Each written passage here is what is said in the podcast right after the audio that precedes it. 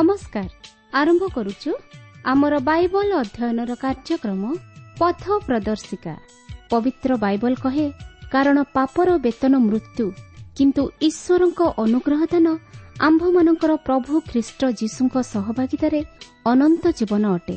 ଆସନ୍ତୁ ସେହି ମୃତ୍ୟୁର ଭୟରୁ ରକ୍ଷା ପାଇ ଅନନ୍ତ ଜୀବନର ଅଧିକାରୀ ହେବା ନିମନ୍ତେ ଶୁଣିବା ବେତାର କାର୍ଯ୍ୟକ୍ରମ ପଥ ପ୍ରଦର୍ଶିକା।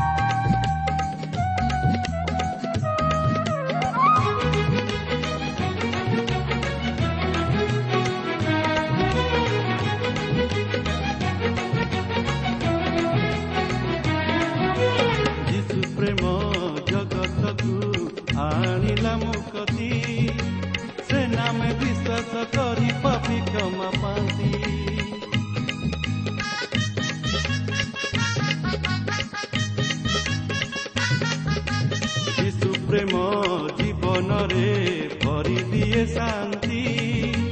ସେ ନାମରେ ଦୂର ହୁଏ ସବୁ ଭୟ ଭ୍ରାନ୍ତି ଅନୁପମ ସେଇ ପ୍ରେମ ପ୍ରିୟତମ ସେଇ ନାମ। ଅନୁପମ ସେଇ ପ୍ରେମ ପ୍ରିୟତମ ସେଇ ନାମ। ସତତି ଯେ କାମର ସେଇ ନାମରେ ସେଇ ପ୍ରେମ। ପାଇଛି ଯୀଶୁ ପ୍ରେମ ଗାଉଛି ମୁଁ ଗାଉଛି ଯୀଶୁ ନାମ ପ୍ରିୟ ଶ୍ରୋତା ବନ୍ଧୁ ଆଜିର ଏହି ଶୁଭ ଅବସରରେ ଆମମାନଙ୍କର ସୃଷ୍ଟିକର୍ତ୍ତା ତଥା ଉଦ୍ଧାରକର୍ତ୍ତା ପ୍ରଭୁ ଯୀଶୁଖ୍ରୀଷ୍ଟଙ୍କ ବହୁମୂଲ୍ୟ ନାମରେ ଶୁଭେଚ୍ଛା ଜଣାଏ ଆଜିର ଏହି ପଥ ପ୍ରଦର୍ଶିକା କାର୍ଯ୍ୟକ୍ରମକୁ ଆପଣଙ୍କୁ ସ୍ୱାଗତ ଜଣାଏ ଆପଣଙ୍କର ମତାମତ ତଥା ସାକ୍ଷ୍ୟ ନିମନ୍ତେ ବିଶେଷ ଧନ୍ୟବାଦ ଆପଣଙ୍କର ପ୍ରାର୍ଥନାର ଅନୁରୋଧ ରକ୍ଷା କରି ଆମେ ଆପଣଙ୍କ ନିମନ୍ତେ ପ୍ରାର୍ଥନା କରୁଅଛୁ।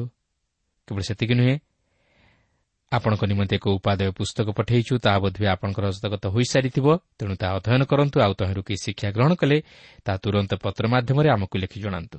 ଆସନ୍ତୁ ପ୍ରଭୁଙ୍କର ବାକ୍ୟ ମଧ୍ୟକୁ ଯିବା ପୂର୍ବରୁ ସଂକ୍ଷେପରେ ପ୍ରାର୍ଥନା କରିବା। ପ୍ରିୟ ପବିତ୍ର ପ୍ରଭୁ ତୁମର ପବିତ୍ର ନାମର ଧନ୍ୟବାଦ କରୁଅଛି ସୁନ୍ଦର ସମୟ ପାଇଁ। ପ୍ରଭୁ ତୁମର ବାକ୍ୟ ମଧ୍ୟ ଦେଇ ତୁମେ ଆମମାନଙ୍କ ସହିତ କଥା କୁହ।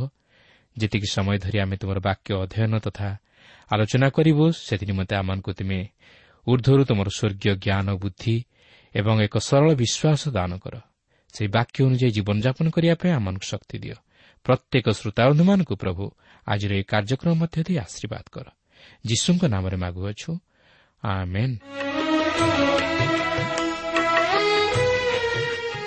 ଆସନ୍ତୁ ବର୍ତ୍ତମାନ ଆମେ ପ୍ରଭୁଙ୍କର ବାକ୍ୟ ମଧ୍ୟକୁ ଯିବା। ଆଜି ଆମେ ଦ୍ୱିତୀୟ ରାଜାବଳୀ ପୁସ୍ତକର ପ୍ରଥମ ଦୁଇଟି ପର୍ବକୁ ଅଧ୍ୟୟନ କରିବା ନିମନ୍ତେ ଯିବା। ତେବେ ଏଠାରେ ମୁଁ ଆପଣଙ୍କୁ ସ୍ମରଣ କରାଇଦେବା ପାଇଁ ଚାହେଁ ଯେ ପ୍ରଥମ ରାଜାବଳୀ ପୁସ୍ତକର ଶେଷ ପର୍ବର ଶେଷାଂଶରେ ଆମେ ଦେଖିଥିଲୁ ଯେ ଆହବଙ୍କ ମୃତ୍ୟୁ ପରେ ତାହାଙ୍କ ପୁତ୍ର ଅହସ୍ୟ ଇସ୍ରାଏଲ୍ ଉପରେ ରାଜ୍ୟ କଲେ ଓ ଜିହୋସାପଟଙ୍କ ମୃତ୍ୟୁ ପରେ ତାହାଙ୍କ ପୁତ୍ର ଜିହୋରାମ ଜିହୁଦା ଉପରେ ରାଜ୍ୟ କଲେ। ତେବେ ଯେଉଁ ସମୟରେ ଅହସ୍ୟ ସମରିଆରେ ଇସ୍ରାଏଲ୍ ଉପରେ ରାଜ୍ୟ କରିବାକୁ ଆରମ୍ଭ କଲେ ସେହି ସମୟଠାରୁ ଘଟିଯାଇଥିବା ଘଟଣାଗୁଡ଼ିକ ଏହି ଦ୍ୱିତୀୟ ରାଜାବଳୀ ପୁସ୍ତକରେ ଆରମ୍ଭ ହୁଏ। ଏହି ଅହସ୍ୟଙ୍କଠାରୁ ଦ୍ୱିତୀୟ ରାଜାବଳୀ ପୁସ୍ତକ ଆରମ୍ଭ ହୁଏ। ତେଣୁକରି ଆମେ ଏହି ଦ୍ୱିତୀୟ ରାଜାବଳୀ ପୁସ୍ତକଟିକୁ ଅଧ୍ୟୟନ କରିବାକୁ ଯିବା ସମୟରେ ମନେ ରଖିବାକୁ ହେବ ଯେ ଅହସ୍ୟ ପ୍ରଥମ ରାଜାବଳୀ ପୁସ୍ତକରେ ଇସ୍ରାଏଲ୍ ଉପରେ ରାଜ୍ୟ କରିବାକୁ ଆରମ୍ଭ କଲେ ମାତ୍ର ତାଙ୍କର ରାଜତ୍ୱ କାଳ ଦ୍ୱିତୀୟ ରାଜାବଳୀ ପୁସ୍ତକରେ ସମାପ୍ତ ହେଲା।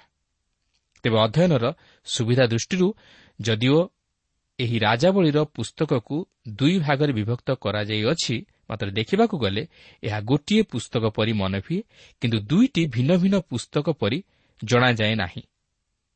ବର୍ତ୍ତମାନ ଆମେ ଏହି ଦ୍ୱିତୀୟ ରାଜାବଳୀ ପୁସ୍ତକର ପ୍ରଥମ ପର୍ବରେ ଅହସ୍ୟଙ୍କ ସମ୍ପର୍କରେ ଆଲୋଚନା କରିବାକୁ ଯିବା। ଅହସ୍ୟ ବର୍ତ୍ତମାନ ଇସ୍ରାଏଲ୍ ଉପରେ ରାଜ୍ୟ କରୁଅଛନ୍ତି ଓ ଜିହୋସାଫଙ୍କ ପୁତ୍ର ଜିହୋରାମ ଜିହୁଦା ଉପରେ ରାଜ୍ୟ କରୁଅଛନ୍ତି। ମାତ୍ର ଅହସ୍ୟଙ୍କ ଜୀବନରେ ଏକ ସମସ୍ୟା ଦେଖାଦେଇଛି। ଦେଖନ୍ତୁ ଦ୍ୱିତୀୟ ରାଜାବଳୀ ପ୍ରଥମ ପର୍ବର ପ୍ରଥମ ଦୁଇ ପଦରେ ଏହିପରି ଲେଖା ଅଛି ଅନନ୍ତର ଆହାବଙ୍କର ମୃତ୍ୟୁ ଉତ୍ତାରେ ମୟାବ ଇସ୍ରାଏଲ୍ ବିରୁଦ୍ଧରେ ଦ୍ରୋହାଚରଣ କଲେ। ପୁଣି ଅହସ୍ୟ ସମରିଆସ୍ଥିତ ଆପଣା ଉପରିସ୍ଥ କୋଠରୀର ଝରକା ଦେଇ ପଡ଼ି ପୀଡ଼ିତ ହେଲେ। ଆଉ ସେ ଦୂତଗଣ ପଠାଇ ସେମାନଙ୍କୁ କହିଲେ ଯାଅ ଏହି ପୀଡ଼ାରୁ ମୁଁ ସୁସ୍ଥ ହେବି କି ନାହିଁ? ଏହା ଇକ୍ରୋଣର ଦେବତା ବାଲ୍ ସବୁବକୁ ପଚାର। ଦେଖନ୍ତୁ ଯାହା ଜଣାଯାଏ ସମ୍ଭବତଃ ଅହସ୍ୟ ନିଶାସକ୍ତ ହୋଇ ନିଜର ମାନସିକ ଭାରସାମ୍ୟ ହରାଇ ବସିବାରୁ ଏହି ପ୍ରକାର ଦୁର୍ଘଟଣାର ସମ୍ମୁଖୀନ ହୋଇଥିବାର ଅନୁମାନ କରାଯାଏ। କିନ୍ତୁ ଅହସ୍ୟ ଏଠାରେ ଏକ ଭୁଲ କରି ବସୁଛନ୍ତି। ସେ ନିଜର ମାତା ଇସେବଲର କଥା ଶୁଣି ଇକ୍ରୋଣର ଦେବତା ବାଲ୍ ସବୁବକୁ ପଚାରି ବୁଝିବା ନିମନ୍ତେ ତାହାଙ୍କ ନିକଟକୁ ଦୂତଗଣକୁ ପଠାଉଛନ୍ତି। ଯେପରି ସେହି ଦେବତା ତାହାଙ୍କୁ ତାହାଙ୍କ ବିଷୟରେ ଜଣାଇଦେବ। ତେଣୁ ଅହସ୍ୟଙ୍କର ଏ ପ୍ରକାର କାର୍ଯ୍ୟ ଇସ୍ରାଏଲ୍ର ଈଶ୍ୱରଙ୍କ ସହିତ ଏକ ସିଧାସଳଖ ବିଦ୍ରୋହାଚରଣ ଥିଲା। ସେ ଇସ୍ରାଏଲ୍ର ଈଶ୍ୱରଙ୍କୁ ପରିତ୍ୟାଗ କରି ଇକ୍ରୋଣର ଦେବତା ବାଲ୍ ସବୁବର ଆଶ୍ରୟ ନେଲେ। ସେ ସେହି ଦୁର୍ଘଟଣା ଜନିତ ଅସୁସ୍ଥତାରୁ ସୁସ୍ଥତା ପାଇବେ କି ନାହିଁ ତାହା ଜାଣିବା ନିମନ୍ତେ ଦେବତାର ଆଶ୍ରୟ ନେଲେ। କିନ୍ତୁ ସତ୍ୟ ଈଶ୍ୱରଙ୍କର ସହାୟତା ଲୋଡ଼ିଲେ ନାହିଁ। ଦେଖନ୍ତୁ ଘଟଣାଟି କେଉଁପରି ମୋଡ଼ ନେବାକୁ ଯାଉଅଛି। ପ୍ରଥମ ପର୍ବର ତିନି ଓ ଚାରିପଦରେ ଲେଖା ଅଛି ମାତ୍ର ସଦାପ୍ରଭୁଙ୍କ ଦୂତ ତିସ୍ବିୟ ଏଲିଓଙ୍କୁ କହିଲେ ଉଠ ସମରିଆ ରାଜାଙ୍କର ଦୂତଗଣକୁ ସାକ୍ଷାତ କରିବାକୁ ଯାଅ ଓ ସେମାନଙ୍କୁ କୁହ ଇସ୍ରାଏଲ୍ ମଧ୍ୟରେ ପରମେଶ୍ୱର ନାହାନ୍ତି ବୋଲିକି ତୁମେମାନେ ଇକ୍ରୋଣର ଦେବତା ବାଲ୍ ସବୁବକୁ ପଚାରିବାକୁ ଯାଉଅଛ? ଏତୁ ସଦାପ୍ରଭୁ ଏହି କଥା କହନ୍ତି। ତୁମ୍ଭେ ଯେଉଁ ଶଯ୍ୟା ଉପରକୁ ଯାଇଅଛ ତହିଁରୁ ତଳକୁ ଆସିବ ନାହିଁ ମାତ୍ର ନିଶ୍ଚୟ ମରିବ। ଏଉତାରେ ଏଲିଓ ପ୍ରସ୍ଥାନ କଲେ। ଦେଖନ୍ତୁ ଏଠାରେ ସଦାପ୍ରଭୁଙ୍କ ଦୂତ ଏଲିଓ ଭବିଷ୍ୟତ ବକ୍ତାଙ୍କ ଦ୍ୱାରା ଅହସ୍ୟଙ୍କ ପ୍ରତି କ'ଣ ଘଟିବା ପାଇଁ ଯାଉଅଛି ତାହା ଅହସ୍ୟଙ୍କ ପ୍ରେରିତ ଦୂତଗଣଙ୍କ ନିକଟରେ ଜଣାଇ ଦେଉଛନ୍ତି। ସେ ଯେ ବଞ୍ଚିବେ ନାହିଁ ମାତ୍ର ମରିବେ ତାହା ମଧ୍ୟ ସେ ସେମାନଙ୍କୁ ଜଣାଇ ଦିଅନ୍ତି। ଓ ଏଥିସହିତ ସେମାନଙ୍କୁ ମଧ୍ୟ ଏହିପରି କାର୍ଯ୍ୟ ନିମନ୍ତେ ଅନୁଯୋଗ କରି କହନ୍ତି ଇସ୍ରାଏଲ୍ ମଧ୍ୟରେ ପରମେଶ୍ୱର ନାହାନ୍ତି ବୋଲିକି ତୁମମାନେ ଇକ୍ରୋଣର ଦେବତା ବାଲ୍ ସବୁବକୁ ପଚାରିବାକୁ ଯାଉଅଛ? ବାସ୍ତବରେ ଅହସ୍ୟଙ୍କର ଏ ପ୍ରକାର କାର୍ଯ୍ୟ ଈଶ୍ୱରଙ୍କର ବିରୋଧାଚରଣ କାର୍ଯ୍ୟ ଥିଲା। ଏଲିଓ ଅହସ୍ୟଙ୍କର ପ୍ରେରିତ ଦୂତମାନଙ୍କୁ ଯେଉଁ ସମସ୍ତ ସମ୍ବାଦ ଜଣାଇଲେ ସେମାନେ ଚାଲିଯାଇ ସେହି ସମସ୍ତ ବିଷୟ ଅହସ୍ୟଙ୍କୁ ଜଣାଇଲେ। ପ୍ରଥମ ପର୍ବର ପାଞ୍ଚରୁ ଛଅ ପଦ ମଧ୍ୟରେ ଆମେ ଦେଖୁ ଯେ ଅହସ୍ୟ ତାହାଙ୍କର ପ୍ରେରିତ ଦୂତମାନଙ୍କଠାରୁ ଏହି ପ୍ରକାର ହତୋତ୍ସାହଜନକ ସମ୍ବାଦ ପାଇବା ପରେ ତାହାଙ୍କ ମନର ପ୍ରତିକ୍ରିୟା। ସାତ ପଦରୁ ଦଶ ପଦ ମଧ୍ୟରେ ଆମେ ଦେଖୁ ଏହିପରି ଲେଖା ଅଛି ତହିଁରେ ସେ ସେମାନଙ୍କୁ ପଚାରିଲେ ଯେ ତୁମମାନଙ୍କୁ ସାକ୍ଷାତ କରିବାକୁ ଆସି ଏହିସବୁ କଥା କହିଲା ସେ କି ପ୍ରକାର ଲୋକ? ତ ସେମାନେ ତାଙ୍କୁ ଉତ୍ତର କଲେ ସେ ଲୋମସ ମନୁଷ୍ୟ ଓ ତାହାର କଟି ଚର୍ମ ପଟୁକାରେ ବନ୍ଧା ଥିଲା। ତହିଁରେ ସେ କହିଲେ ସେ ତ ତିସ୍ବିୟ ଏଲିଓ ତେବେ ରାଜା ତାଙ୍କ ନିକଟକୁ ଜଣେ ପଞ୍ଚାଶତପତିକି ତାହାର ପଞ୍ଚାଶ ଲୋକ ସହିତ ପଠାଇଲେ। ତମ ସେ ତାଙ୍କ ନିକଟକୁ ଗଲା। ଆଉ ଦେଖ ଏଲିଓ ପର୍ବତ ଶୃଙ୍ଗରେ ବସିଥିଲେ। ଏଥିରେ ସେ ତାଙ୍କୁ କହିଲା ହେ ପରମେଶ୍ୱରଙ୍କ ଲୋକ ରାଜା କହିଅଛନ୍ତି ତଳକୁ ଆସ। ତମୁ ଏଲିଓ ସେହି ପଞ୍ଚାଶତପତିକି ଉତ୍ତର କରି କହିଲେ ଯେବେ ମୁଁ ପରମେଶ୍ୱରଙ୍କ ଲୋକ ତେବେ ଆକାଶରୁ ଅଗ୍ନି ଆସି ତୁମ୍ଭକୁ ଓ ତୁମ୍ଭ ପଞ୍ଚାଶ ଲୋକଙ୍କୁ ଗ୍ରାସ କରୁ ଏଥିରେ ଆକାଶରୁ ଅଗ୍ନି ଆସି ତାହାକୁ ଓ ତାହାର ପଞ୍ଚାଶ ଲୋକଙ୍କୁ ଗ୍ରାସ କଲା। ଏହା ହିଁ ଥିଲା ଏଲିଓଙ୍କର ପରିଚୟ ଯେ ସେ ଲୋମସ ମନୁଷ୍ୟ ଥିଲେ ଓ କଟିରେ ଚର୍ମପଟୁକା ମାନୁଥିଲେ। ଏହା ଥିଲା ତାହାଙ୍କ ଶରୀର ଓ ବସ୍ତ୍ରର ସ୍ୱତନ୍ତ୍ରତା। ହୋଇପାରେ ତାହାଙ୍କର ରୂପ ସେତେ ଆକର୍ଷଣୀୟ ବା ସୌନ୍ଦର୍ଯ୍ୟପୂର୍ଣ୍ଣ ନଥିଲା ମାତ୍ର ଈଶ୍ୱର ତାହାଙ୍କ ସହିତରେ ଥିଲେ ଓ ସେ ମଧ୍ୟ ଅତି ସାହସିକ ଥିଲେ। ଆପଣ ଦେଖନ୍ତୁ ଅହସ୍ୟ ଇସେବଲର ପୁତ୍ର ଥିଲେ। ଯେଉଁ ଇସେବଲ କି ଏଲିଓଙ୍କୁ ବଧ କରିବା ନିମନ୍ତେ ଚାହୁଁଥିଲା ଓ ଏଲିଓ ମଧ୍ୟ ତାହା ଜାଣିଥିଲେ ତଥାପି ସେ ସତ କହିବାକୁ ଭୟ କରିନଥିଲେ। ଈଶ୍ୱର ତାଙ୍କୁ ଯାହା ଜଣାଇଥିଲେ ସେ ମଧ୍ୟ ସ୍ପଷ୍ଟ ଭାବେ ପ୍ରକାଶ କରିଦେଇଥିଲେ। ସେ କୌଣସି ଆପୋଷ ମିଳାମିଶାର ମନୋଭାବ ପୋଷଣ କରିନଥିଲେ କିମ୍ବା ସେ ଅହସ୍ୟଙ୍କୁ ଭୟ କରି ନିରବ ରହିଯାଇନଥିଲେ। ସେ ଈଶ୍ୱରଙ୍କ ସପକ୍ଷରେ ଛିଡ଼ା ହୋଇଥିଲେ ତେଣୁକରି ଈଶ୍ୱର ମଧ୍ୟ ତାହାଙ୍କୁ ଏହି ମହାବିପଦରୁ ଉଦ୍ଧାର କରିଥିଲେ। ଯେଉଁମାନେ ଏଲିଓଙ୍କ ପ୍ରାଣ ଅନ୍ୱେଷଣରେ ଯାଇଥିଲେ ସେମାନଙ୍କୁ ଅଗ୍ନି ଗ୍ରାସ କଲା। ଏଲିଓ ତଳକୁ ଆସିବେ କ'ଣ? ଆକାଶରୁ ଅଗ୍ନି ଆସି ସେମାନଙ୍କୁ ଗ୍ରାସ କଲା। ଦେଖନ୍ତୁ ଅହସ୍ୟଙ୍କର ପରବର୍ତ୍ତୀ ପଦକ୍ଷେପ କ'ଣ ଥିଲା? ଦ୍ୱିତୀୟ ରାଜବଳି ପ୍ରଥମ ପର୍ବର ଏଗାର ବାର ପଦରେ ଲେଖା ଅଛି ଏଉତାରେ ରାଜା ପୁନର୍ବାର ତାଙ୍କ ନିକଟକୁ ଆଉ ଏକ ପଞ୍ଚାଶତପତି କି ତାହାର ପଞ୍ଚାଶ ଲୋକ ସହିତ ପଠାଇଲେ। ତୁ ସେ ତାଙ୍କୁ କହିଲେ ହେ ପରମେଶ୍ୱରଙ୍କ ଲୋକ ରାଜା କହିଅଛନ୍ତି ଶୀଘ୍ର ତଳକୁ ଆସ। ଏଥିରେ ଏଲିଓ ସେମାନଙ୍କୁ ଉତ୍ତର କରି କହିଲେ ଯେବେ ମୁଁ ପରମେଶ୍ୱରଙ୍କ ଲୋକ ତେବେ ଆକାଶରୁ ଅଗ୍ନି ଆସି ତୁମକୁ ଓ ତୁମ ପଞ୍ଚାଶ ଲୋକଙ୍କୁ ଗ୍ରାସ କରୁ। ତୁ ପରମେଶ୍ୱରଙ୍କ ଅଗ୍ନି ଆକାଶରୁ ଆସି ତାହାକୁ ଓ ତାହାର ପଞ୍ଚାଶ ଲୋକଙ୍କୁ ଗ୍ରାସ କଲା। ଦେଖନ୍ତୁ ଦ୍ୱିତୀୟ ଥର ମଧ୍ୟ ସେହିପରି ଘଟିଲା। ଏହା ସତ୍ତ୍ୱେ ମଧ୍ୟ ଅହସ୍ୟ ତୃତୀୟ ପଦକ୍ଷେପ ନେବାକୁ ଯାଉଅଛନ୍ତି। ତେର ଚଉଦ ପଦରେ ଲେଖା ଅଛି ଏଥିରେ ରାଜା ପୁନର୍ବାର ତୃତୀୟ ପଞ୍ଚାଶତପତି କି ତାହାର ପଞ୍ଚାଶ ଲୋକ ସହିତ ପଠାଇଲେ। ପୁଣି ସେହି ତୃତୀୟ ପଞ୍ଚାଶତପତି ଉପରକୁ ଗଲା ଓ ଏଲିଓଙ୍କ ସମ୍ମୁଖରେ ଉପସ୍ଥିତ ହୋଇ ଆପଣ ଆଣ୍ଠୁ ପାତି ବିନୟ କରି ତାଙ୍କୁ କହିଲା ହେ ପରମେଶ୍ୱରଙ୍କ ଲୋକ ମୁଁ ବିନୟ କରୁଅଛି। ଆପଣଙ୍କ ଦୃଷ୍ଟିରେ ମୋ ପ୍ରାଣ ଓ ଆପଣଙ୍କ ଦାସ ଏହି ପଞ୍ଚାଶ ଲୋକଙ୍କର ପ୍ରାଣ ବହୁମୂଲ୍ୟ ହେଉ। ଦେଖନ୍ତୁ ଆକାଶରୁ ଅଗ୍ନି ଆସି ପୂର୍ବ ଦୁଇ ପଞ୍ଚାଶତପତିଙ୍କି ଓ ସେମାନଙ୍କ ପଞ୍ଚାଶ ପଞ୍ଚାଶ ଲୋକଙ୍କୁ ଗ୍ରାସ କଲା। ମାତ୍ର ଏବେ ଆପଣଙ୍କ ଦୃଷ୍ଟିରେ ମୋ ପ୍ରାଣ ବହୁମୂଲ୍ୟ ହେଉ। ଅହସ୍ୟ ଯଦିଓ ତୃତୀୟ ଥର ଏହିପରି ପଦକ୍ଷେପ ନେଇଥିଲେ ମାତ୍ର ତାହା ଫଳପ୍ରଦ ହୋଇନଥିଲା। ଯେଉଁ ପଞ୍ଚାଶତପତିକୁ ଅହସ୍ୟ ଏଲିଓଙ୍କ ନିକଟକୁ ପଠାଇଥିଲେ। ସେହି ପଞ୍ଚାଶତପତି ଏଲିଓଙ୍କଠାରୁ ଦୟାଭିକ୍ଷା କଲା। ତେଣୁକରି ଈଶ୍ୱର ମଧ୍ୟ ସେହି ଲୋକର ମନ ଜାଣି ତାହା ପ୍ରତି ଦୟା ପ୍ରଦର୍ଶନ କଲେ ଓ ଅଗ୍ନି ତାହାକୁ ଓ ତାହା ସହିତ ପ୍ରେରିତ ସଙ୍ଗୀଗଣକୁ ଗ୍ରାସ କଲା ନାହିଁ। ପନ୍ଦର ଓ ଷୋହଳ ପଦରେ ଆମେ ଦେଖୁ ଯେ ଈଶ୍ୱରଙ୍କ ବାକ୍ୟ କେବେ ହେଲେ ଅନ୍ୟଥା ହୁଏ ନାହିଁ। ଈଶ୍ୱର ଯାହା ପ୍ରକାଶ କରିଥାନ୍ତି ତାହା ହିଁ ସଫଳ ହୁଏ। ଅହସ୍ୟ ଯେତେ ଚେଷ୍ଟା କଲେ ମଧ୍ୟ ଏଲିଓଙ୍କର ପ୍ରାଣ ନେଇପାରିଲେ ନାହିଁ। କି ଈଶ୍ୱରଙ୍କ ଯୋଜନାକୁ ପରିବର୍ତ୍ତିତ କରିପାରିଲେ ନାହିଁ କୌଣସି ଦେବତା ମଧ୍ୟ ତାହାଙ୍କୁ ଈଶ୍ୱରଙ୍କ ହସ୍ତରୁ ବଞ୍ଚାଇ ପାରିଲେ ନାହିଁ ଏଲିଓ ସେହି ଦୂତମାନଙ୍କୁ ଅହସ୍ୟଙ୍କ ବିଷୟରେ ଯାହା କହିଥିଲେ ତାହା ସେ ଏଠାରେ ରାଜାଙ୍କ ସମ୍ମୁଖରେ ସ୍ପଷ୍ଟ ଓ ନିର୍ଭୀକତାର ସହିତ ପ୍ରକାଶ କରନ୍ତି ଏଲିଓଙ୍କର କହିବା ଅନୁଯାୟୀ ଅହସ୍ୟ ମଧ୍ୟ ମୃତ୍ୟୁବରଣ କଲେ ଏହାପରେ ସତର ଓ ଅଠର ପଦରେ ଆମେ ଦେଖୁ ଯେ ଅମ୍ରି ଓ ଆହାବଙ୍କ ବଂଶର ପରିସମାପ୍ତି ଘଟିଲା ସେମାନଙ୍କ ବଂଶ ମଧ୍ୟରୁ ଆଉ କେହି ଏହି ରାଜପଦର ଅଧିକାରୀ ହୋଇପାରିଲେ ନାହିଁ। କିନ୍ତୁ ଜିହୁଦାର ରାଜା ଜିହୋସାପଣ୍ଟଙ୍କର ପୁତ୍ର ଜିହୋରାମ ତାଙ୍କ ପଦରେ ରହି ରାଜ୍ୟ କରିବାକୁ ଆରମ୍ଭ କଲେ। କାରଣ ସେ ଅହସ୍ୟଙ୍କର ଭିଣେଇ ଥିଲେ ଓ ଆହାବ ତାହାଙ୍କର ଶ୍ୱଶୁର ଥିଲେ। ଯେହେତୁ ସେ ଆହାବଙ୍କର ଝିଅ ଅଥଲିଆକୁ ବିବାହ କରିଥିଲେ। ତେଣୁକରି ସେହି ହିସାବରେ ଅହସ୍ୟ ଓ ଜିହୋରାମ ଶଳା ଭିଣେଇ ଥିଲେ ଓ ସେହି ଉଭୟ ପରିବାର ମଧ୍ୟରେ ସମ୍ପର୍କ ପ୍ରତିଷ୍ଠିତ ହୋଇଥିଲା। ବର୍ତ୍ତମାନ ଆମେ ଦେଖୁଛୁ ଯେ ଜିହୋରାମ କେବଳ ଜିହୁଦା ରାଜ୍ୟର ନୁହେଁ ସେ ମଧ୍ୟ ଇସ୍ରାଏଲ୍ ରାଜ୍ୟର ରାଜା ହେଲେ। ପ୍ରିୟ ବନ୍ଧୁ ଏହିଠାରେ ଆମେ ଦ୍ୱିତୀୟ ରାଜାବଳୀ ପୁସ୍ତକର ପ୍ରଥମ ପର୍ବଟି ଅଧ୍ୟୟନ କରି ସମାପ୍ତ କଲୁ କିନ୍ତୁ ଏହି ଅଧ୍ୟୟନରୁ ଆମମାନଙ୍କୁ ଅନେକ କିଛି ଶିକ୍ଷା ମିଳେ ଯାହାକି ଆମମାନଙ୍କର ଆତ୍ମିକ ଜୀବନର ଅଭିବୃଦ୍ଧି ନିମନ୍ତେ ବିଶେଷ ସହାୟକ। ପ୍ରଥମେ ଆମେ ଅହସ୍ୟଙ୍କ ଜୀବନକୁ ଲକ୍ଷ୍ୟ କଲେ ଜାଣିପାରୁ ଯେ ସେ ଇସ୍ରାଏଲ୍ର ସତ୍ୟ ତଥା ଜୀବନ୍ତ ଈଶ୍ୱରଙ୍କର ସହାୟତା ନ ଲୋଡ଼ି ଇକ୍ରୋଣର ଦେବତା ବାଲ୍ ସବୁବର ଆଶ୍ରୟ ତଥା ସହାୟତା ନେଲେ। ସେହି ଦୁର୍ଘଟଣା ଦ୍ୱାରା ସେ ଯେଉଁପରି ଭାବେ ପୀଡ଼ିତ ହେଲେ ତହିଁରୁ ଉଦ୍ଧାର ପାଇବେ କି ନାହିଁ ତାହା ଜାଣିବା ନିମନ୍ତେ ଦେବତାର ସହାୟତା ନେଲେ କିନ୍ତୁ ନିଜର ଜୀବନର ଦୁର୍ବଳତା ସବୁକୁ ସମୀକ୍ଷା ନ କରି ବା ତହିଁ ନିମନ୍ତେ ଅନୁତପ୍ତ ନ ହୋଇ ଆହୁରି ଅଧିକ ଈଶ୍ୱରଙ୍କର ବିରୁଦ୍ଧଚାରୀ ହେଲେ। ସେ ଇସ୍ରାଏଲ୍ର ଈଶ୍ୱରଙ୍କ ବିରୁଦ୍ଧରେ ଯାଇ ପାପ କଲେ। ଫଳତଃ ସେ ତହିଁରୁ ଉଦ୍ଧାର ପାଇପାରିଲେ ନାହିଁ ବରଂ ସେହିପରି ପୀଡ଼ିତ ଅବସ୍ଥାରେ ରହି ପ୍ରାଣତ୍ୟାଗ କଲେ। ପ୍ରିୟ ବନ୍ଧୁ କୌଣସି ଦେବତା ଆମମାନଙ୍କର ଜୀବନକୁ ରକ୍ଷା କରିପାରିବେ ନାହିଁ। ଯେହେତୁ ସେମାନେ ନିଜେ ନିଜକୁ ରକ୍ଷା କରିବା ନିମନ୍ତେ ସମର୍ଥ ନୁହନ୍ତି। ମନୁଷ୍ୟ ଆଜି ନିଜର ଜୀବନକୁ ଫେରି ପାଇବାକୁ ଚାହେଁ। ମାତ୍ର ସେ ନିଜର ପାପ ତଥା ଅଧର୍ମରୁ ଫେରିବାକୁ ଚାହେଁ ନା ଈଶ୍ୱର ଆଜି ଆମମାନଙ୍କୁ ଉଦ୍ଧାର କରିବା ନିମନ୍ତେ ପ୍ରସ୍ତୁତ ମାତ୍ର ଆମେ ଈଶ୍ୱରଙ୍କ ନିକଟକୁ ଯିବା ନିମନ୍ତେ ପ୍ରସ୍ତୁତ ନୁହେଁ। କାରଣ ଆମେ ପାପକୁ ପ୍ରେମ କରୁ ଓ ପାପରେ ଜୀବନ ଅତିବାହିତ କରିବାକୁ ଚାହୁଁ। କିନ୍ତୁ ଈଶ୍ୱରଙ୍କ ସହିତ ପବିତ୍ର ସହଭାଗିତା ସ୍ଥାପନ କରିବାକୁ ଚାହୁଁନା। ଆମେ ପବିତ୍ର ବିଷୟ ପ୍ରତି ଆସକ୍ତ ହେଉନା।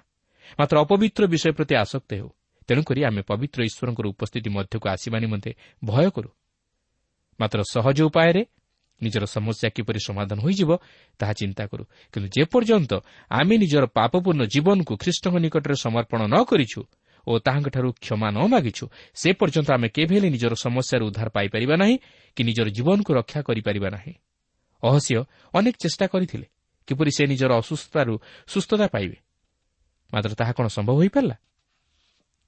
ନୁହେଁ ତାହା ସମ୍ଭବ ହୋଇପାରିଲା ନାହିଁ। ଯେହେତୁ ତାହାଙ୍କ ଜୀବନରେ ଅନୁତାପ ନଥିଲା। ଏହି ଅହସ୍ୟଙ୍କ ପରେ ତାହାଙ୍କ ପଦରେ ରହି ରାଜତ୍ୱ କରିବା ନିମନ୍ତେ ତାହାଙ୍କ ବଂଶରେ କେହି ରହିଲେ ନାହିଁ। ଏହା ବଡ଼ ଦୁଃଖର ବିଷୟ। ଆମେ ପାପ କରୁ ସତ ଯଦି ସେହି ପାପ ନିମନ୍ତେ ଆମମାନେ ଅନୁତାପ ନ କରୁ ତାହେଲେ ଆମମାନେ କେବେ ହେଲେ ଈଶ୍ୱରଙ୍କ ବିଚାରରୁ ବର୍ତ୍ତି ପାରିବା ନାହିଁ। ଆମକୁ ଯେପରି ହେଲେ ଈଶ୍ୱରଙ୍କ ବିଚାରର ସମ୍ମୁଖୀନ ହେବାକୁ ହେବ। କେବଳ ସେତିକି ନୁହେଁ ଆମମାନଙ୍କ ସନ୍ତାନ ସନ୍ତତି ଉପରେ ମଧ୍ୟ ତହିଁର ପ୍ରଭାବ ପଡ଼ିବ। ଦ୍ୱିତୀୟରେ ଆମେ ଏଲିଓଙ୍କର ସ୍ପଷ୍ଟବାଦିତା ଓ ନିର୍ଭୀକତାର ପରିଚୟ ପାଉ। ସେ ଈଶ୍ୱରଙ୍କ ବାକ୍ୟକୁ ଆହବଙ୍କ ପରି ଅଥବା ତାହାଙ୍କ ପୁତ୍ର ଅହସ୍ୟଙ୍କ ପରି ଦୁଷ୍ଟ ରାଜାମାନଙ୍କ ନିକଟରେ ପହଞ୍ଚାଇବା ନିମନ୍ତେ ବା ସେମାନଙ୍କୁ ଅନୁଯୋଗ କରିବା ନିମନ୍ତେ ଭୟ କରିନଥିଲେ। ସେ ମନୁଷ୍ୟର ସପକ୍ଷରେ ଛିଡ଼ା ହୋଇନଥିଲେ ମାତ୍ର ଈଶ୍ୱରଙ୍କ ସପକ୍ଷରେ ଛିଡ଼ା ହୋଇଥିଲେ। ସେ ଈଶ୍ୱରଙ୍କ ଅଭିମତକୁ ଓ ତାହାଙ୍କର ଆଦେଶକୁ ସଫଳ କରିବା ନିମନ୍ତେ ଚାହିଁଥିଲେ। କିନ୍ତୁ ମନୁଷ୍ୟର ପ୍ରିୟ ପାତ୍ର ହୋଇ ରହିବାକୁ ଚାହିଁନଥିଲେ କି ଆପୋଷ ମିଳାମିଶାର ମନୋଭାବ ପୋଷଣ କରିନଥିଲେ। ଯାହା ସତ୍ୟ ଓ ନ୍ୟାଯ୍ୟ ତାହା ରାଜାଙ୍କ ସମ୍ମୁଖରେ ପ୍ରକାଶ କରି ତାହାଙ୍କୁ ଅନୁଯୋଗ କରିଥିଲେ। ସେ ସେଥି ନିମନ୍ତେ ରାଜାଙ୍କୁ ମଧ୍ୟ ଭୟ କରିନଥିଲେ। ପ୍ରିୟ ବନ୍ଧୁ ଆଜି କ'ଣ ଆମମାନଙ୍କ ଜୀବନରେ ସେହିପରି ସତ୍ୟବାଦିତା ବା ନିର୍ଭୀକତା ଓ ନ୍ୟାୟପରାୟଣତାର ଜୀବନ ଅଛି କି? ଆମେ ସବୁକିଛି ଜାଣି ମଧ୍ୟ ଅନ୍ୟାୟ ଅସତ୍ୟକୁ ସମର୍ଥନ କରୁଛୁ? ହଁ ଏଥିନିମନ୍ତେ ସ୍ୱର ଉତ୍ତୋଳନ କରିବାକୁ ହେଲେ ଆମମାନଙ୍କୁ ସମସ୍ୟାର ସମ୍ମୁଖୀନ ହେବାକୁ ପଡ଼ିପାରେ। ମାତ୍ର ଈଶ୍ୱର ଆମମାନଙ୍କୁ ରକ୍ଷା କରିବେ ଓ ସେ ଆମମାନଙ୍କୁ ତହିଁର ପୁରସ୍କାର ଦେବେ। ବର୍ତ୍ତମାନ ଆମେ ଏହି ଦ୍ୱିତୀୟ ରାଜାବଳୀ ପୁସ୍ତକର ଦୁଇ ପର୍ବ ମଧ୍ୟକୁ ଯିବା। ଏହି ଦୁଇ ପର୍ବରେ ଏଲିଓ କିପରି ସ୍ୱର୍ଗାରୋହଣ କଲେ ତାହା ଅଧ୍ୟୟନ କରି ଆଲୋଚନା କରିବା ସହିତ ତହିଁରୁ ଆମମାନଙ୍କର ଜୀବନ ନିମନ୍ତେ କିଛି ଶିକ୍ଷା ଗ୍ରହଣ କରିବା। ଏହି ପର୍ବର ମୁଖ୍ୟ ଆଲୋଚନାର ପ୍ରସଙ୍ଗ ହେଉଛି ଅଗ୍ନିମୟ ରଥରେ ଏଲିଓ ଭବିଷ୍ୟତ ବକ୍ତାଙ୍କର ସ୍ୱର୍ଗାରୋହଣ। ଏଲିଓଙ୍କ ଜୀବନର ଅନ୍ତିମ କାହାଣୀ ଏହି ପର୍ବରେ ହିଁ ସମାପ୍ତ ହୁଏ ଓ ତାହାଙ୍କ ପରେ ଇଲିସାଏ ଭବିଷ୍ୟତ ବକ୍ତା ତାହାଙ୍କ ସ୍ଥାନ ପୂରଣ କରନ୍ତି। ତେବେ ଦେଖନ୍ତୁ ଦ୍ୱିତୀୟ ରାଜାବଳୀ ଦୁଇ ପର୍ବର ପ୍ରଥମ ଚାରିପଦରେ ଏହିପରି ଲେଖା ଅଛି ଏଥିଉତ୍ତାରେ ସଦାପ୍ରଭୁ ଏଲିଓଙ୍କୁ ଘୂର୍ଣ୍ଣିବାୟୁରେ ସ୍ୱର୍ଗକୁ ଘେନିଯିବା ପାଇଁ ଉଦ୍ୟତ ହୁଅନ୍ତେ ଏଲିଓ ଇଲିସାଏଙ୍କ ସହିତ ଗିଲଗଲରୁ ଗଲେ। ପୁଣି ଏଲିଓ ଇଲିସାଏଙ୍କୁ କହିଲେ ମୁଁ ବିନୟ କରୁଅଛି ତୁମେ ଏଠାରେ ଥାଅ କାରଣ ସଦାପ୍ରଭୁ ମୋତେ ବୈଥେଲ ପର୍ଯ୍ୟନ୍ତ ପଠାଇ ଅଛନ୍ତି ତହିଁରେ ଇଲିସାଏ କହିଲେ ସଦାପ୍ରଭୁ ଜୀବିତ ଥିବା ପ୍ରମାଣେ ଓ ଆପଣଙ୍କ ପ୍ରାଣ ଜୀବିତ ଥିବା ପ୍ରମାଣେ ମୁଁ ଆପଣଙ୍କୁ ଛାଡ଼ିବି ନାହିଁ ତୁ ସେମାନେ ବୈଥେଲକୁ ଗଲେ। ସେତେବେଳେ ବୈଥେଲ ନିବାସୀ ଭବିଷ୍ୟତ ବକ୍ତାଗଣର ପୁତ୍ରମାନେ ଇଲିସାଙ୍କ ନିକଟକୁ ବାହାରି ଆସି ତାଙ୍କୁ କହିଲେ ଆଜି ସଦାପ୍ରଭୁ ତୁମ ମସ୍ତକରୁ ତୁମ ପ୍ରଭୁଙ୍କୁ ନେଇଯିବେ ବୋଲି ତୁମେ କ'ଣ ଜାଣୁଅଛ ତୁ ସେ କହିଲେ ହଁ ମୁଁ ଜାଣୁଅଛି। ତୁମେମାନେ ତୁନି ହୁଅ। ଏଉତାରେ ଏଲିଓ ତାଙ୍କୁ କହିଲେ ହେ ଏଲିସାୟ ମୁଁ ବିନୟ କରୁଅଛି ତୁମେ ଏଠାରେ ଥାଅ। କାରଣ ସଦାପ୍ରଭୁ ମୋତେ ଜିରିହକୁ ପଠାଇ ଅଛନ୍ତି ଏଥିରେ ସେ କହିଲେ ସଦାପ୍ରଭୁ ଜୀବିତ ଥିବା ପ୍ରମାଣେ ଓ ଆପଣଙ୍କ ପ୍ରାଣ ଜୀବିତ ଥିବା ପ୍ରମାଣେ ମୁଁ ଆପଣଙ୍କୁ ଛାଡ଼ିବି ନାହିଁ। ତୁ ସେମାନେ ଜିରିହକୁ ଗଲେ। ଏଲିଓ ଚାହୁଁନଥିଲେ ଯେ ଇଲିସାଏ ତାହାଙ୍କ ସହିତ ଯାଆନ୍ତୁ। ମାତ୍ର ସେ ଚାହୁଁଥିଲେ ଇଲିସାଏ ଯେପରି ଗିଲଗଲରେ ରହିଯାଆନ୍ତୁ କିନ୍ତୁ ଇଲିସାୟ ଏଲିଓଙ୍କୁ ଛାଡ଼ିବା ନିମନ୍ତେ ପ୍ରସ୍ତୁତ ନଥିଲେ କାରଣ ସେ ଜାଣିପାରିଥିଲେ ଯେ ଏଲିଓ ସେହିଦିନ ଏହି ଜଗତ ପରିତ୍ୟାଗ କରୁଅଛନ୍ତି।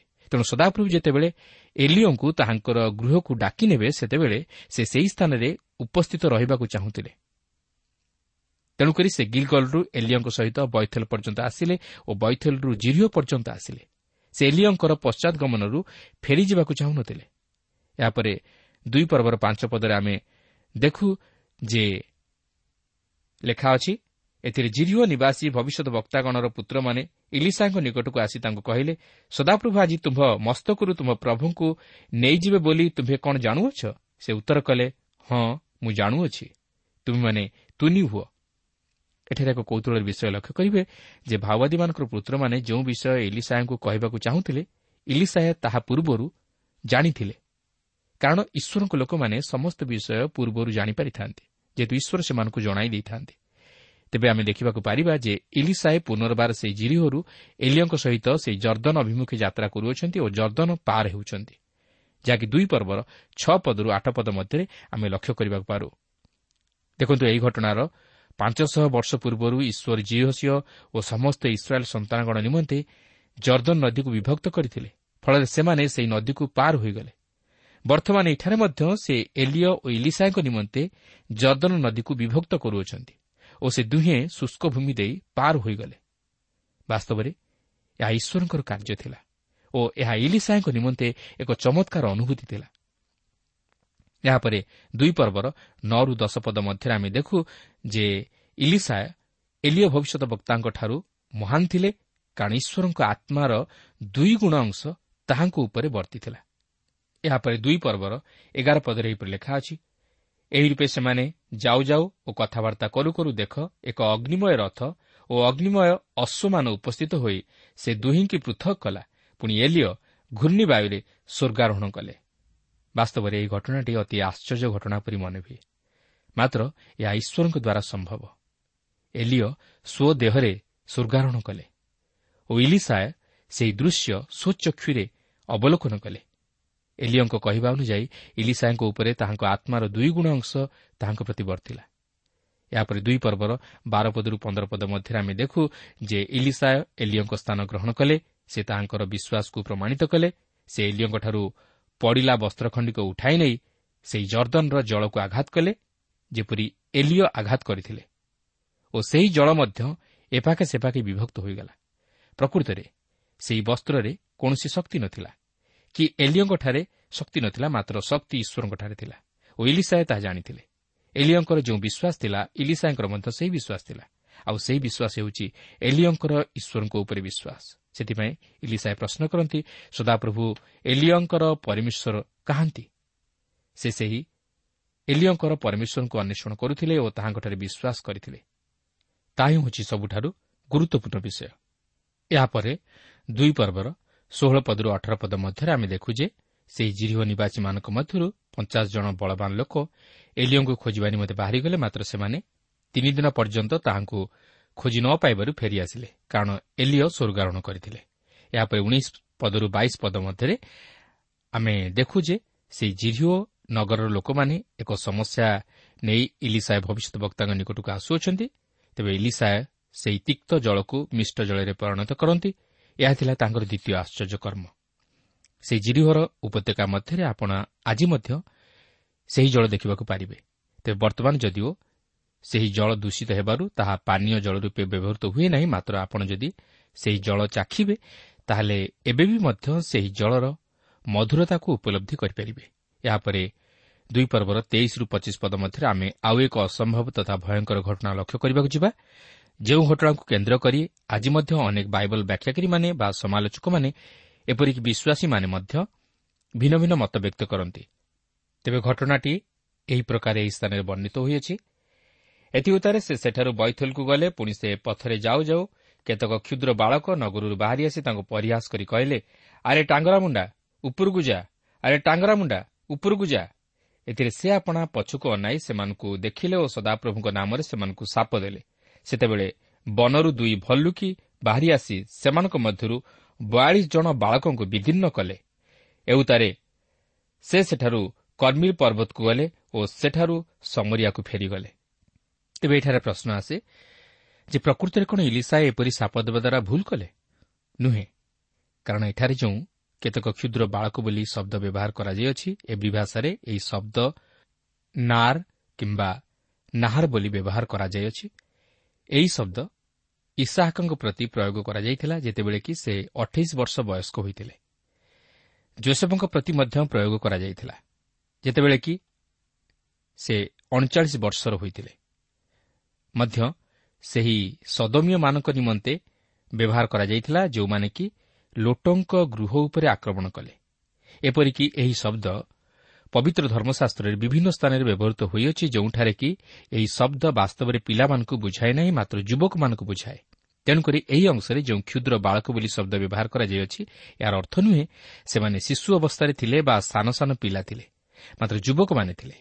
ସେମାନେ ମିଥ୍ୟା ମାଓବାଦୀମାନଙ୍କର ଛାତ୍ର ଥିଲେ। ସେମାନେ ଇଲିସାଙ୍କୁ ପରିହାସ ଓ ତୁଚ୍ଛ କଲେ। ସେମାନେ କହିଲେ ଆରେ ଟାଙ୍ଗରାମୁଣ୍ଡା ଉପରକୁ ଯା। ସେମାନେ ତାହାଙ୍କୁ ଏପରି ପରିହାସ କରି କହିବାର ଉଦ୍ଦେଶ୍ୟ ହେଉଛି ଯେ ଏଲିଓ ଯାହା କରିଥିଲେ ସେହି ବିଷୟ ସାଧନ କରିବା ପାଇଁ ସେମାନେ ତାହାଙ୍କୁ କହିଲେ। ଏଲିଓ ଯେପରି ଉର୍ଦ୍ଧ୍ୱକୁ ଗମନ କଲେ ତୁମେ ମଧ୍ୟ ସେହିପରି ଉପରକୁ ଯାଅ। ସେମାନେ ଏପରି କହିବା ଦ୍ୱାରା ପବିତ୍ର ଧର୍ମଶାସ୍ତ୍ରରେ ଯେଉଁ ସତ୍ୟ ନିହିତ ଅଛି ଯେ ଈଶ୍ୱର ତାହାଙ୍କର ଲୋକମାନଙ୍କୁ ଖ୍ରୀଷ୍ଟଙ୍କ ଦ୍ୱିତୀୟ ଆଗମନ ସମୟରେ ଏହି ଜଗତରୁ ଉଠାଇ ନେବେ ସେହି ସତ୍ୟକୁ ସେମାନେ ଉପହାସ କଲେ। ପିତର ମଧ୍ୟ କହନ୍ତି ଯେ ଯୁଗାନ୍ତ ସମୟରେ ମଧ୍ୟ ମନୁଷ୍ୟମାନେ ପୁନର୍ବାର ଖ୍ରୀଷ୍ଟଙ୍କର ଦ୍ୱିତୀୟ ଆଗମନ ତୈର ଘଟଣା ପ୍ରତି ସେହିପରି ମନୋଭାବ ପୋଷଣ କରିବେ। ସେମାନେ ଖ୍ରୀଷ୍ଟ ବିଶ୍ୱାସୀମାନଙ୍କୁ ଖ୍ରୀଷ୍ଟଙ୍କ ଦ୍ୱିତୀୟ ଆଗମନ ନେଇ ସେହିପରି ପରିହାସ କରିବେ। କିନ୍ତୁ ପ୍ରିୟ ବନ୍ଧୁ ଆମେ ଏଥିନିମନ୍ତେ ସତର୍କ ହେବା ଉଚିତ ଓ ସେହି ସତ୍ୟରେ ବିଶ୍ୱାସ ରଖିବା ଉଚିତ। କାରଣ ପ୍ରଭୁ ଶ୍ରୀଖ୍ରୀଷ୍ଟ ଯେପରି ପ୍ରଥମ ଆଗମନ କଲେ ଓ ଲୋକମାନେ ତାହା ବିଶ୍ୱାସ କରିପାରୁ ନ ଥିଲେ ସେହିପରି ସେ ଦ୍ୱିତୀୟବାର ମଧ୍ୟ ଆଗମନ କରିବାକୁ ଯାଉଅଛନ୍ତି। ତାଙ୍କ ପ୍ରଥମ ଆଗମନର ଭାବବାଣୀ ଯେପରି ସଫଳ ହେଲା ତାଙ୍କର ଦ୍ୱିତୀୟ ଆଗମନର ଭାବବାଣୀ ମଧ୍ୟ ସଫଳ ହେବାକୁ ଯାଉଅଛି। ଏହି ପର୍ବରେ ଆମେ ଏହି ଶିକ୍ଷା ପାଉଛୁ ଯେ ଯେଉଁମାନେ ପ୍ରଭୁ ଶ୍ରୀଖ୍ରୀଷ୍ଟଙ୍କର ଦ୍ୱିତୀୟ ଆଗମନର ବିଷୟକୁ ପରିହାସ କରନ୍ତି ସେମାନେ ଈଶ୍ୱରଙ୍କ ବିଚାରର ସମ୍ମୁଖୀନ ହୁଅନ୍ତି। ଶୀଘ୍ର ନ ହେଲେ ମଧ୍ୟ ବିଳମ୍ବରେ। ଏହା ଅତି ଭୟଙ୍କର ବିଚାର। ପ୍ରିୟ ବନ୍ଧୁ ସେହି ପ୍ରଭୁ ଶ୍ରୀଖ୍ରୀଷ୍ଟ ରାଜାମାନଙ୍କର ରାଜା ଓ ପ୍ରଭୁମାନଙ୍କର ପ୍ରଭୁ ହୋଇ ଏହି ଜଗତକୁ ଆଗମନ କରୁଅଛନ୍ତି ଏହି ଜଗତର ବିଚାର କରିବା ପାଇଁ। କିନ୍ତୁ ଆମେ କ'ଣ ସେହି ଖ୍ରୀଷ୍ଟଙ୍କ ସହିତ ମିଳିତ ହେବା ପାଇଁ ପ୍ରସ୍ତୁତ ଅଛୁ କି? ପ୍ରଭୁ ପ୍ରତ୍ୟେକଙ୍କୁ ଏକ ପ୍ରସ୍ତୁତିର ଜୀବନ ଦାନ କରନ୍ତୁ ପାଇଛି ମୁଁ ପାଇଛି ଯୀଶୁ ପ୍ରେମ ଗାଉଛି ମୁଁ ଗାଉଛି ଯୀଶୁ ନାମ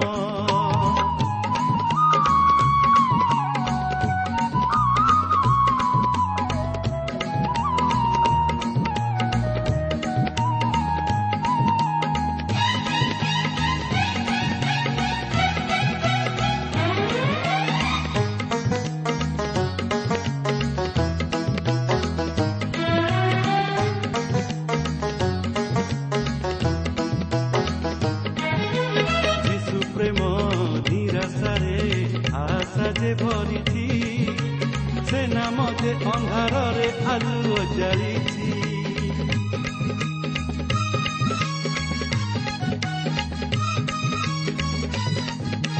ଯୀଶୁ ପ୍ରେମ ଗଭୀରତା କିଏ ବା ମାପିଛି? ସେ ନାମ ଯେ ଭାବ ଅଛି କିଏ ବା ଜାଣିଛି? ଅନୁପମ ସେଇ ପ୍ରେମ ପ୍ରିୟ ଶ୍ରୋତା ଏହି କାର୍ଯ୍ୟକ୍ରମ ଶୁଣିଥିବାରୁ ଆପଣଙ୍କୁ ଅଶେଷ ଧନ୍ୟବାଦ। ଏହି କାର୍ଯ୍ୟକ୍ରମ ଆପଣଙ୍କୁ କିପରି ଲାଗିଲା ଓ କେଉଁ ବିଷୟଟି ଆପଣଙ୍କ ହୃଦୟକୁ ଅଧିକ ସ୍ପର୍ଶ କରିଛି ତାହା ଲେଖି ଜଣାଇଲେ ଆମେ ବିଶେଷ ଉପକୃତ ହେବୁ। ଯଦି କିଛି ପ୍ରଶ୍ନ ବା ସନ୍ଦେହ ଥାଏ ତାହା ପତ୍ର ମାଧ୍ୟମରେ ଅଥବା ଟେଲିଫୋନ ଯୋଗେ ଆମକୁ ଜଣାନ୍ତୁ। ଆମର ଠିକଣା ପଥ ପ୍ରଦର୍ଶିକା trans world radio India post box number ତିନି ତିନି ଭୁବନେଶ୍ୱର સાત પાંચ એક શૂન્ય શૂન્ય એક mobile number nine seven double seven double two one four one five ଠିକଣାଟି ଆଉଥରେ ଶୁଣନ୍ତୁ ପଥ ପ୍ରଦର୍ଶିକା trans world radio India post box number three three Bhubaneswar seven five one zero zero one mobile number nine seven double seven double two one four one five আমার email আড্রেসটি লিখি রাখন্তু Odia TV at radio eight eight two dot com তেবে আজি পাই এঠারে রাখুছু নমস্কার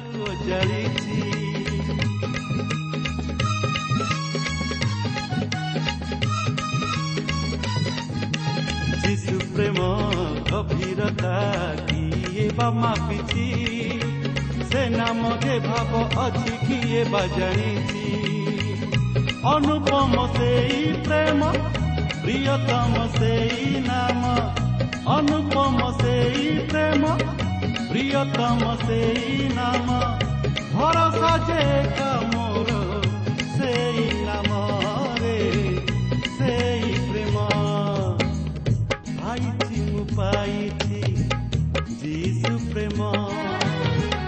ଗାଉଛି ମୁଁ ଗାଉଛି ଯୀଶୁ ନାମ ପାଇଛି ମୁଁ ପାଇଛି ଯୀଶୁ ପ୍ରେମ ଗାଉଛି ମୁଁ ଗାଉଛି ଯୀଶୁ ନାମ ଅନୁପମ ସେଇ ପ୍ରେମ ପ୍ରିୟତମ ସେଇ ନାମ ଅନୁପମ ସେଇ ପ୍ରେମ ପ୍ରିୟତମ ସେଇ ନାମ